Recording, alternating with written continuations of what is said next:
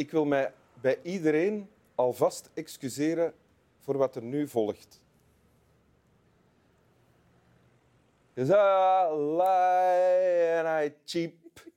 And it's a later let the feed boy I lie and I cheap. And it's a later let you feed boy. I'm a lion, I'm a cheetah, I'm a lion, I'm a cheetah, I'm a lion. Ah, voilà. Eruit. Ik ben geen cheetah. Nee, maar zo, zong, zo hoorde en zong ik eh, jouw grootste hit ooit, Ja. vroeger tijd. Welkom in Winteruur, Bea van der Maat. Eh, je wel bent al ingeleid met muziek. Hè? Ja, dank je. Ehm, ooit was je eh, zangeres van Show Show en. Bon Ton Ton. ja. hondennamen eigenlijk. Ja. Ja, ook ik al- ben ook een hondenmadam. Hè. ja, want je hebt ook een hond, hè? Ja. ja. Hoe, heet- hoe heet die nu weer? Juju, Juju. border collie. Ja. Die er niet bij is vandaag. Dan voor een volgende keer. Hè? Swami Bami.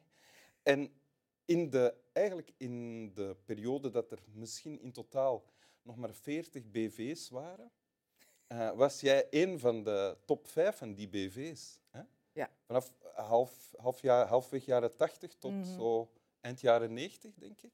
Ja. Als zangeres natuurlijk, als actrice ook. Als presentatrice. Ja, tien om te zien. Ehm, het laatste wat je voor tv hebt gemaakt ging over dieren ook, hè, denk ik. Ja, dat was. eh, eh, ik heb twee programma's over dieren gemaakt. Ik had een, eh, op VTM was er een programma over huisdieren voornamelijk. En dan kwam er ook altijd een dierenarts praten. Eh, maar dan, wat ik enorm graag gedaan heb, is rare streken op canvas. En dat waren natuurdocumentaires, vaak ingeleid door Richard Attenborough. Ah ja, En daar is iedereen toch zot van. Hè? dat was een soort collega van jou eigenlijk op dat moment. Hè? Nee, dat durf ik niet Het zeggen. begin van Canvas was dat ook. Ja, dat was Ja. het begin, ja. Dan ben je gestopt met eh, beroemd zijn. Ja, Eh, eh, zo mag je dat toch zeggen? ja, ja. Je ja. had er ook genoeg van, denk ik. Ja, en dat, het deed echt deugd. Ja, want ik ben dan... ehm, ja, na een tijd ben ik gaan lesgeven. En- Engels. Hè? Engelse les, ja. En dat was eigenlijk... De mensen konden lief zijn van- naar mij toe omdat ik hun kinderen hielp, eh, hielp of zo. Maar dus ik voelde mij nu... Ik had een echte reden om iemand blij te kunnen maken.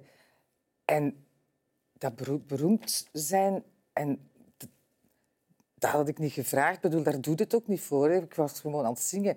En eh, dat was een beetje vervelend op den duur, dat mensen u zo bekijken als ik weet niet wat. En je bent maar een gewone mens, hè. Ja. Want je was eigenlijk in wezen ook toen maar een gewoon mens. Ja, nog altijd. Wil je de tekst voorlezen die je hebt meegemaakt? Ja. Trees. I think that I shall never see a poem lovely as a tree. A tree whose hungry mouth is pressed against the earth's sweet, flow, sweet flowing breast. A tree that looks at God all day and lifts her leafy arms to pray. A tree that may in summer wear a nest of robins in her hair upon whose bosom snow has lain, who intimately lives with rain.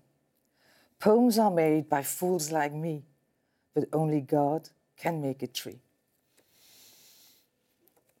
Kan je even samenvatten wat er staat voor de Engels onkundigen? Ehm, ja, het gedicht is, is geschreven door iemand die heel gelovig is, maar die, ehm, die wel heel veel houdt van bomen en eigenlijk de natuur. Hè. Ik moet zeggen, als ik het lees, hè, dat, dat laatste zinnetje, but only God can make a tree, dan zou ik zeggen, but only nature can make a tree. Ja. Ja, Je wil zeggen, je deelt niet noodzakelijk de re- religieuze inslag Ja. van, van de schrijver. ja. Wat er in het gedicht staat, is... Hij begint met te zeggen, ik heb nog nooit een gedicht gezien dat zo mooi is of zo liefelijk als een boom. ja. En dan vertelt hij wat een boom allemaal is en kan. Mhm. Ja, a tree that looks at God all day and lifts her leafy arms to pray. Is dan ook weer een eh, ja. katholiek, denk ik?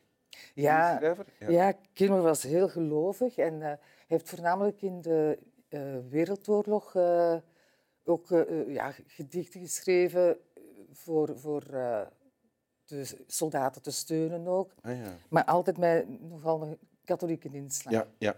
Maar dat, dat laten we er, dat, daar gaat het niet om. Nee, nee. Dat- want je hebt wel dit gedicht gekozen.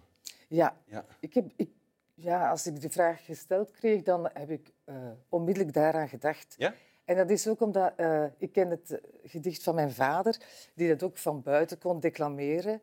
En eh, die ook enorm eh, respect had voor bomen en hout. En eh, ja, mensen die... Hout, soorten hout dan ook bedoel je? Hout, ja, want hij werkte eh, in een... eh, hij verkocht deuren. Ah, En daarmee, hij kende die allemaal, maar, maar voor hem een boom is zo een vaste waarde. En voor mij is dat ook heel erg. En ik vind het verschrikkelijk dat... Want ik woon in een omgeving waar er nogal veel bomen staan. Keerberg gewoon, hè, denk ik. Eh eh, Rijmenam, dat is ernaast. ja. En ehm, ja, mensen die kopen een stuk grond vol met schoon bomen. En dan moeten die allemaal omgemaaid worden voor een huis en een pelouse. Ik bedoel, dat vind ik verschrikkelijk. Ah, ja. Ik, ik heb veel bomen in, in mijn tuin en ik geniet zo van het leven dat daarin zit. Ja?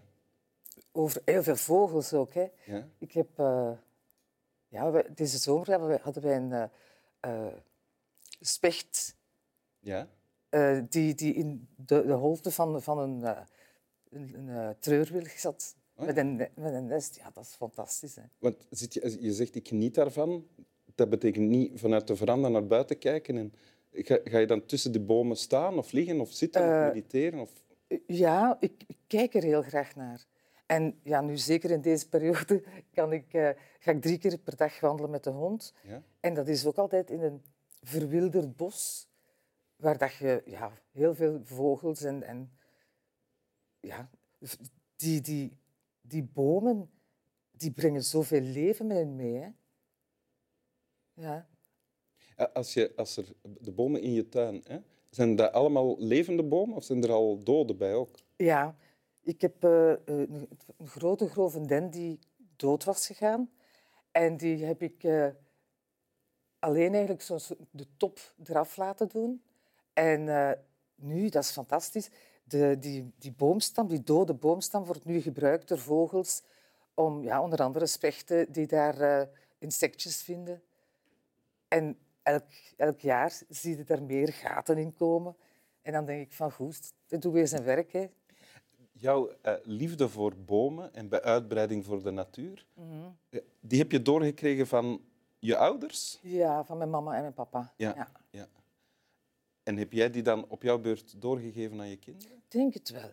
Ja, want daar waar Je hebt ik... twee kinderen, denk ik ik. ja, ik heb uh, Ulrike en Lenny. En ehm, ja, daar waar ik in de zomer toch een wesp zou doodkloppen, moet ik zeggen, omdat ik er bang voor ben, omdat ik daar ook wel op reageer. Ik ook, ik zwel daarvan. Ah, wel, ja, ik ook. En, eh, maar mijn, mijn dochter en mijn zoon die doen aan niks iets kwaad. Een spin, zo'n vieze, dikke spin, die pakken dan een glas en die zetten die buiten.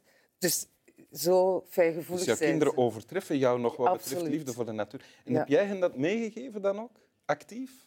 Ja, ja want wij, als wij op reis gingen, dan ehm, was toch altijd ook kamperen in de natuur en, en primitief, maar wel genieten van de omgeving en de dieren. Ja, Wil je het nog eens voorlezen? ja. ga eerst eens drinken. Ja, dat mag. Dat kan hier allemaal. Want in winteruur kan alles. Er gebeurt bijna nooit iets, maar alles kan.